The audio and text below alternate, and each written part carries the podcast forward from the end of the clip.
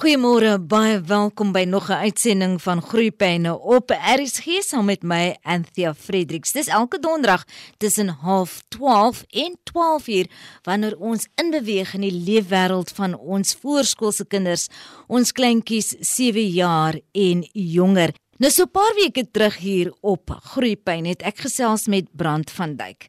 Brand het meer as 25 jaar ervaring in die remedierende leeswêreld en ons weet mos nou dat baie van ons kinders sukkel met lees. Daar's baie navorsing daaroor en ons probeer om ons kinders op hierdie regte pad te sit. En die regte pad volgens Brand is vroeë breinstimulasie. Hoe vroeër ons kan inbeweeg en met ons kinders werk, hoe beter. Daardie gesprek met Brand so 'n paar weke terug het ongelooflike reaksie uitgelok en ek het dit goed gedink om vir Brand weer eens terug te nooi na die ateljee om met ons te gesels. Brand, goeiemôre, baie baie welkom. Goeiemôre MV, goeiemôre luisteraars. Baie lekker om jou weer eens hier te hê. Het jy verwag dat ons gesprek soveel mense hulp by jou kom soek het? MV, dit is eintlik bo verwagting goed gewees die reaksie van ouers wat vir my net een ding vertel dat die jong ouer weet hulle moet iets doen om hulle kind se breinstimulasie aan die gang te sit. En almal weet dat dit die venster van geleentheid periode is. Daar is iets spesiaal rondom 'n kind op 'n voorskoolse vlak dat as jy daardie periode aangryp dan gaan jou kind fenomenaal wees. En ek dink ouers is honger vir daar daardie tipe kennis en die reaksie het dit eintlik uitgewys. Een van die vrae wat ek jou gevra het nadat jy so diep met ons kon gesels oor hoe ongelooflik die brein is en die brein se vermoë op daardie vroeë ouderdom om te absorbeer soos 'n spons, my vraag op 'n stadium was toe, druk ons hulle nie bietjie te gou ryp nie en toe sê jy, nee, glad nie. Ons gaan hulle onreg aandoen as ons dit nie doen nie. Vir ek dink wat ons laas keer bespreek het om jou vraag te antwoord nou is om te besef dat die brein is soos 'n enorme rekenaar en die programme moet gelaai word.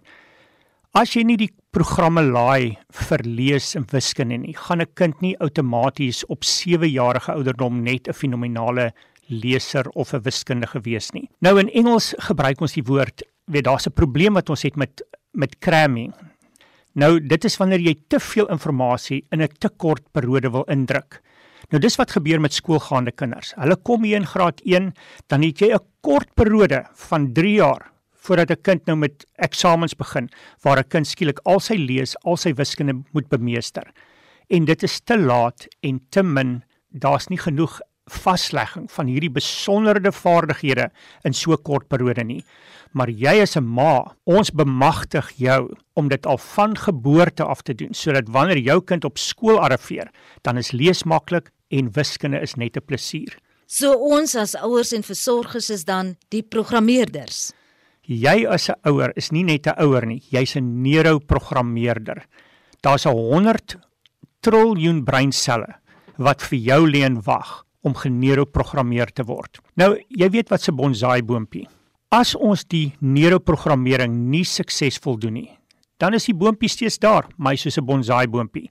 As jy die neuronetwerk min of klein maak, is dit soos 'n klein goudvisie in 'n klein potjie.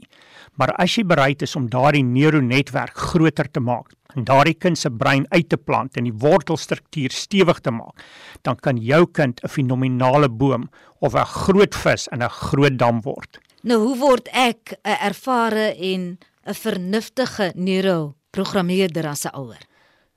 Wel, en vir daarvoor het jy opleiding nodig. As 'n kind na my toe kom met 'n leesprobleem of met 'n wiskundeprobleem, vra ek nie wat is fout met die kind nie.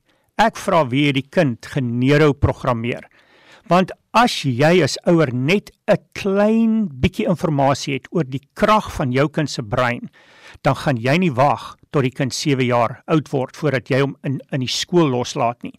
Jy gaan van geboorte af alreeds begin om met jou kind leesvaardigheid en wiskundevaardigheid te programmeer. Nou jy as 'n ouer het bemagtiging nodig. En vir dit het jy iemand nodig wat jou net touwys maak oor hoe om die regte vlakke in die brein te stoor. Met ander woorde, daar's sekere stappies wat gevolg moet word om jou kind 'n vaardige leser, 'n vaardige wiskundige, 'n vaardige musikant, 'n vaardige sportster te maak. Dit gebeur nie na 6 nie. Net soos wat jy nie noodwendig 'n derde taal na 6 gaan aanleer nie.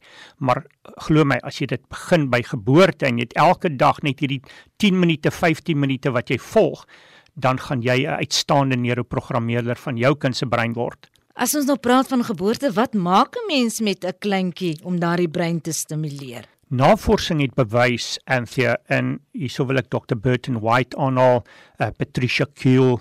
Uh, Daar's soveel navorsers op hierdie verband wat sê dat die gesprek wat 'n ma met haar kind voer tussen 3 maande en 11 maande is kritiek belangrik. In daardie ouderdomsgroep is al wat belangrik is, jou as ma se gesig en jou hoë melodieuse stemtoon.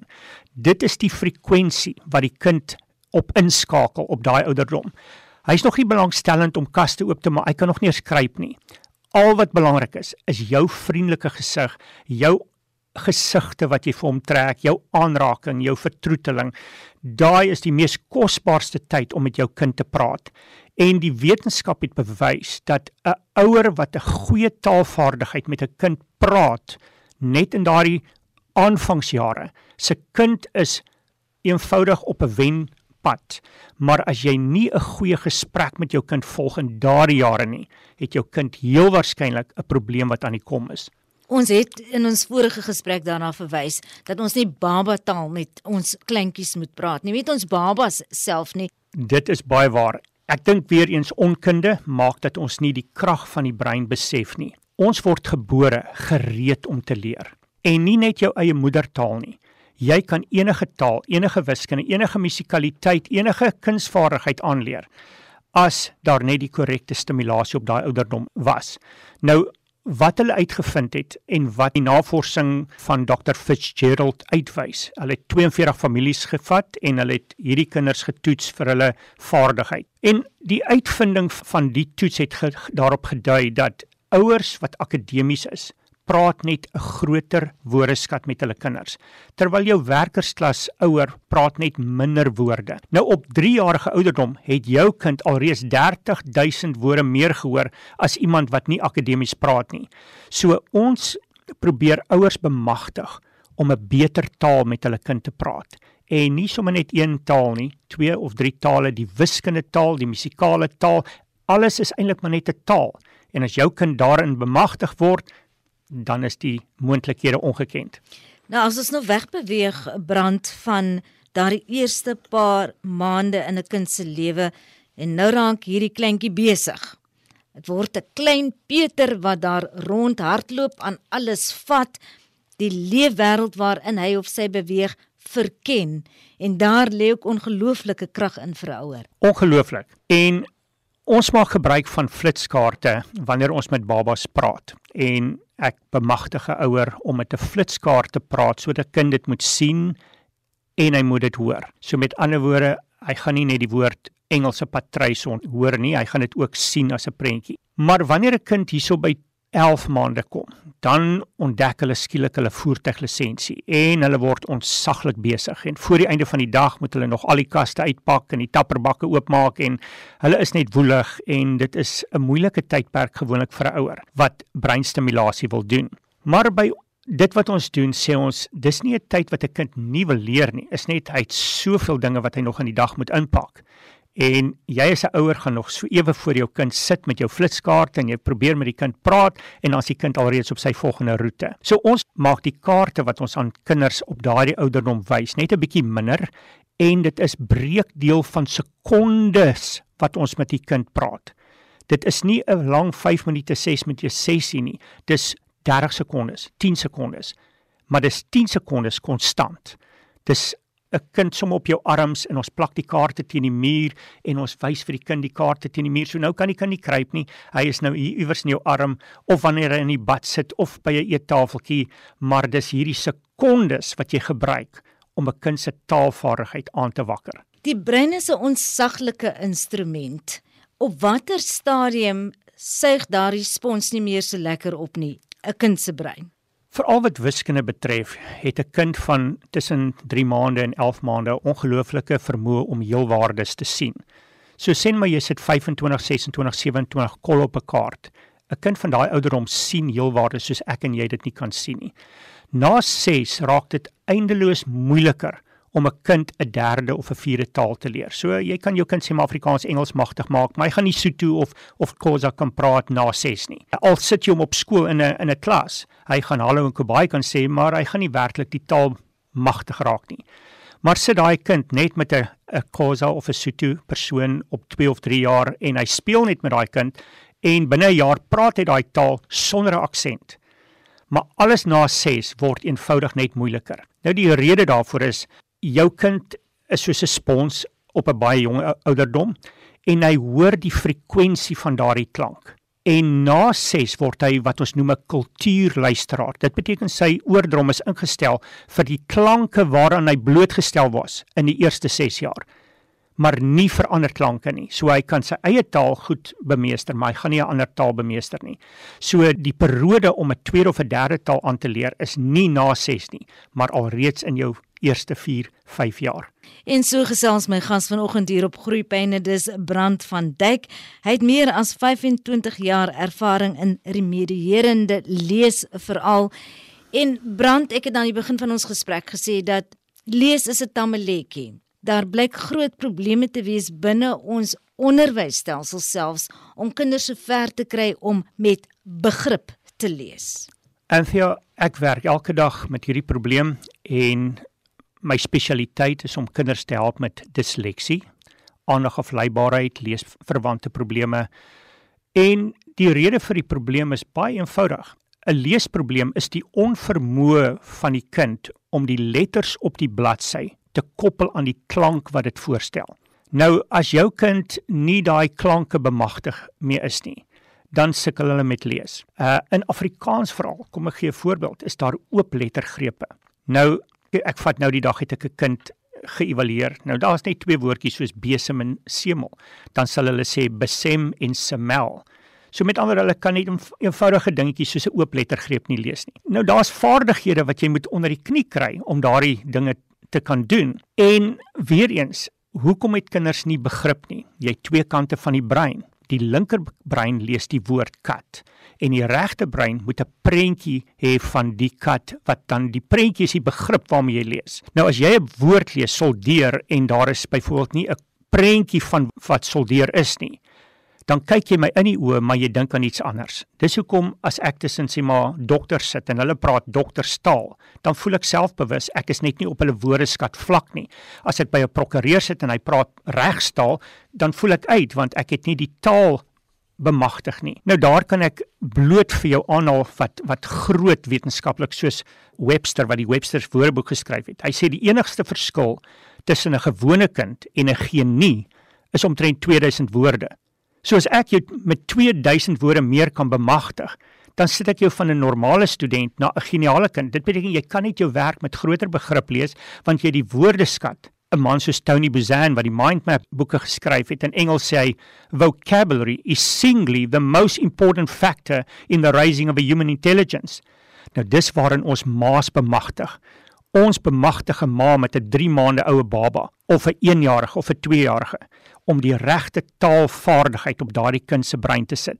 Dat wanneer jy skool toe gaan, jy so ontsaglike woordeskat dat jou begrip is onmiddellik daar. Jy leer lees en dan lees jy met begrip. En dit is die groot antwoord vir ouers met voorskoolse kinders. Leer jou kind, bemagtig jou kind met woorde. As ons nou werk met 'n kind met breinstimulasie, dan moet dit daarom prettig wees. Hoe doen ons dit sonder dat dit klink soos huiswerk en swaar werk? Vir dit is een van die belangrikste onderbasisse van leer vir 'n voorskoolse kind. Dit moet prettig wees. So ons sê hou op voor die kind nog wil ophou.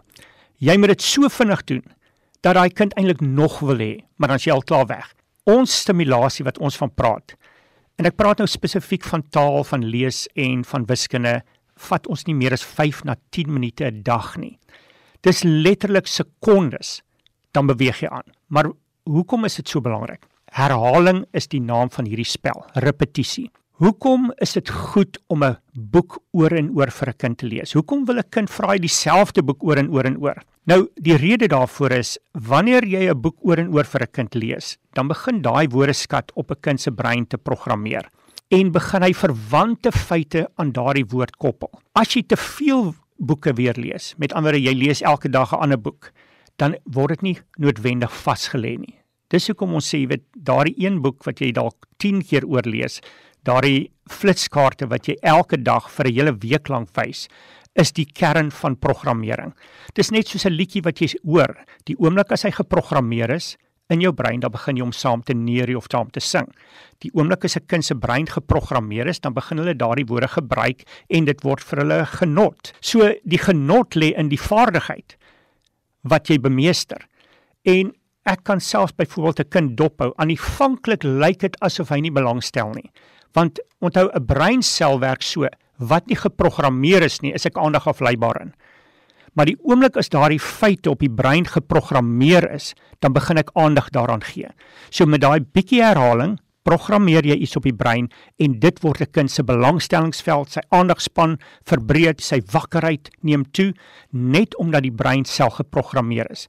So babas van daai ouderdom is baie aandagafleibaar want daar's nog min op die brein geprogrammeer, maar hoe meer jy die brein stimuleer, hoe wakkerder, hoe meer is die kind se aandag gefokus op jou en hoe meer geniet hulle dit. Nou het jy gepraat en jy het geraak aan vaslegging. Daardie herhaling wat uiteindelik dan vasgelê word, dan is dit daar. Dan is dit daar. Dit kan nie weggeneem word nie. Dit kan nie.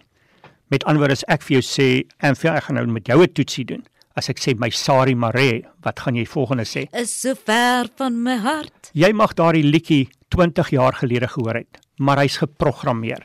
Ek hoef net my Sari te sê en die woorde kom uit jou brein uit wat lank terug op jou brein geprogrammeer was. Al wat dit het, dit het 'n trigger nodig. En daai trigger is as hy geprogrammeer is, as iets daai breinsel trigger, dan kom daai inligting blitsnel weer na vore. Ons het nog gepraat oor die ontwikkeling van taal, leesvaardighede. Jy het vroeër daaraan geraak, maar wiskunde is ook 'n groot probleem vir ons kinders. Wiskunde is 'n taal net soos musiek 'n taal is. As ek die wiskunde taal aanleer, dan kan ek wiskunde doen. Maar soos wat ek vroeër gesê het, cramming is ons grootste probleem. Ouers kan byvoorbeeld nie wiskunde doen nie. Dan praat hulle nooit met hulle kinders wiskunde op 'n vroeë breinstimulasie vlak nie. Nee, daar's slim onderwysers in die skool wat dit vir jou gaan doen. Maak kon nie wiskunde doen nie, so ek bly maar liewers weg. Dis die grootste fout wat jy ooit in jou lewe kan maak. Dis daai 5 minute, 10 minute 'n dag van wiskunde praat met jou kind. Kom ons sit hierdie 3 koppies op die tafel. Kom ons vat hierdie 2 stoele. Kom ons vat hierdie 15 blokkies. En dit is eintlik waar jy moet begin. 'n Kind wat dit kan doen, kan skat. As jy 'n kind net die getalle leer soos 1 2 en 3, kan hulle nie skat nie. Hulle weet nie hoe lyk 5 nie. Hulle weet nie hoe lyk 25 nie. Hulle kan basies basiese 1 2 en 3 miskien, maar hoe groter die getalle raak, kan hulle nie dit nie doen nie. Maar as jy begin met die regte programmering van die brein, kan daardie kind vir jou enorme wiskunde doen. En al wat dit is, 'n ouer moet net bemagtig word hoe om dit te doen. Hierdie kinders arriveer op in graad 1. Die neuronetwerk, die fondasie is reeds gelê. Kom ek vat die meeste van ons kinders op skool in Jy weet jy ken sê maar die 2 en die 3 en 4 en die 5 maal tafel, maar die oomblik as jy by die 6 en 7 jy het dit nie genoeg vasgelê nie. Jy kan ook die 5 maal tafel is redelik maklik, maar 6 7 8 maal tafel ons het net eenvoudig meer repetisie, meer herhaling op daai vlakke nodig en wiskunde word 'n algemene neuronetwerk in die brein wat alle kinders kan doen as jy net die stappies reg volg. Maar wat as jy iewers vashaak? Wat as daar 'n weerligstraal daardie netwerk heeltemal deurmekaar skop? Ek het nou die dag 'n boek gelees, A Stroke of Luck. Nou hierdie is 'n neurochirurg gewees wat 'n beroerte in die linkerbrein gehad het. Nou skryf sy 'n boek nadat hulle haar brein geherprogrammeer het. Sy sê in daardie oomblik kon sy geen feite, geen name, niks onthou nie. Maar haar regte brein gaan oop. Dis sy sien haarself op die strand met haar voete in die water. Dis asof die hele regte brein, visuele afdeling van die brein gaan net meer oop. Dit kos toe dat iemand anders haar linkerbrein vir haar herprogrammeer. En nou gee sy klasse want die brein is groot. Jy mag dalk 'n gedeelte van die brein beskadig hê. En ek dink dis dis hoekom ek hierdie program so geniet. Dis gebaseer op die werk van Glenn Douman wat met breinbeskadigde kinders werk. En dan begin hy die brein wat nog gesond is stimuleer. Dan gaan daai breinbeskadigde kinders, die normale kinders verby in breinpotensiaal. Dan begin hy vra maar hoe lank gaan ons vra wat is fout met Jannie wat halfte van sy brein het? Ons moet vra wat is fout met Pietie wat sy hele brein het en hy kan nie so goed presteer soos die ander kind wat net die helfte van sy brein het nie. Mens hoor dikwels of dit was dikwels in die verlede gesê ek is 'n linkerbrein mens en of ek is 'n regterbrein mens, maar ek kan 'n volle brein mens wees, sê jy. En ja, dit is seker een van die grootste verwarrings in ons samelewing. Daar is waarheid en daar is onwaarheid. Die waarheid is as jy 'n regterbrein persoonlikheid is, dan is daar net meer stimulasie in jou vormingsjare wat na die regterbrein gegaan het. As jy 'n linkerbrein persoonlikheid, dan het net meer inligting in jou vormingsjare na die linkerbrein gegaan. Maar by geboorte het jy die volle potensiaal om linker en regterbrein bemagtig te wees. Uh ons gebruik baie keer voorbeelde van sê maar iemand soos Leonardo da Vinci ek meen die man het fenomenaal geteken, maar hy was ook 'n 'n meester op akademiese vlak. So hy het die hele brein ontwikkel en dis hoe ons graag kinders wil hê. Gewoonlik aardjie na die vaartjie. As jy 'n goeie rugby speler is, wat gaan jou kind word? Hy word 'n goeie rugby want hy sien dit heeldag. As jy 'n goeie musikant is, hoor jou kind baie musiek en hy word 'n musikale persoon. Dit wat jy elke dag hoor op 'n jong ouderdomsvlak is wat jy word. So nou bemagtig ons ouers om 'n kind 'n bietjie weier te stimuleer nie net jou vaardigheid nie, maar multidissiplinêr en daarin lê baie krag. So dis nie noodwendig net in die gene nie. Daar is geen gene betrokke hier nie. Ek vat byvoorbeeld iemand soos Tiger Woods. Nou Tiger Woods kom van verskillende families af, maar sy pa het hom al op 6 maande op 'n stoeltjie vasgemaak en die golfhou voor hom geoefen. En Tiger Woods was op 20 jarige ouderdom so goed dat selfs Ernie Els het gesê, is dit moontlik dat een speler so ver voor die res van die wêreld kan wees? En dit is net so, sy vaardigheid het ontwikkel. Nou daar's wiskunde agter hierdie vaardigheid. Ons kan dit vir jou wiskundig demonstreer hoekom 'n kind onsaglik goed word as jy hom vroeg begin en hoekom jy agter is as jy eers op 6 en 7 aan formele lees en wiskunde blootgestel word. Ter afsluiting, sou ek daardie teelaarde periode misgeloop het met my kind. Daardie aanvanklike baba tot 6 jaar waar daardie brein so reg is vir al daardie programme wat ons kan laai. Is dit dan te laat? Nee, dis glad nie te laat nie. Net soos byvoorbeeld sien maar jy kan nie pottebakkery of jy kan nie 'n pot bak nie.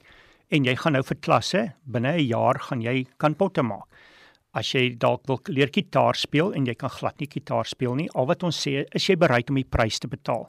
Die prys is ten minste 2 na 3 jaar se gereelde oefening. Dan kan jy dit doen. Maar moenie na 6 maande vir my sê hoor jy dis nie lekker nie omdat die oefening nou nie vir jou meer aangenaam is nie.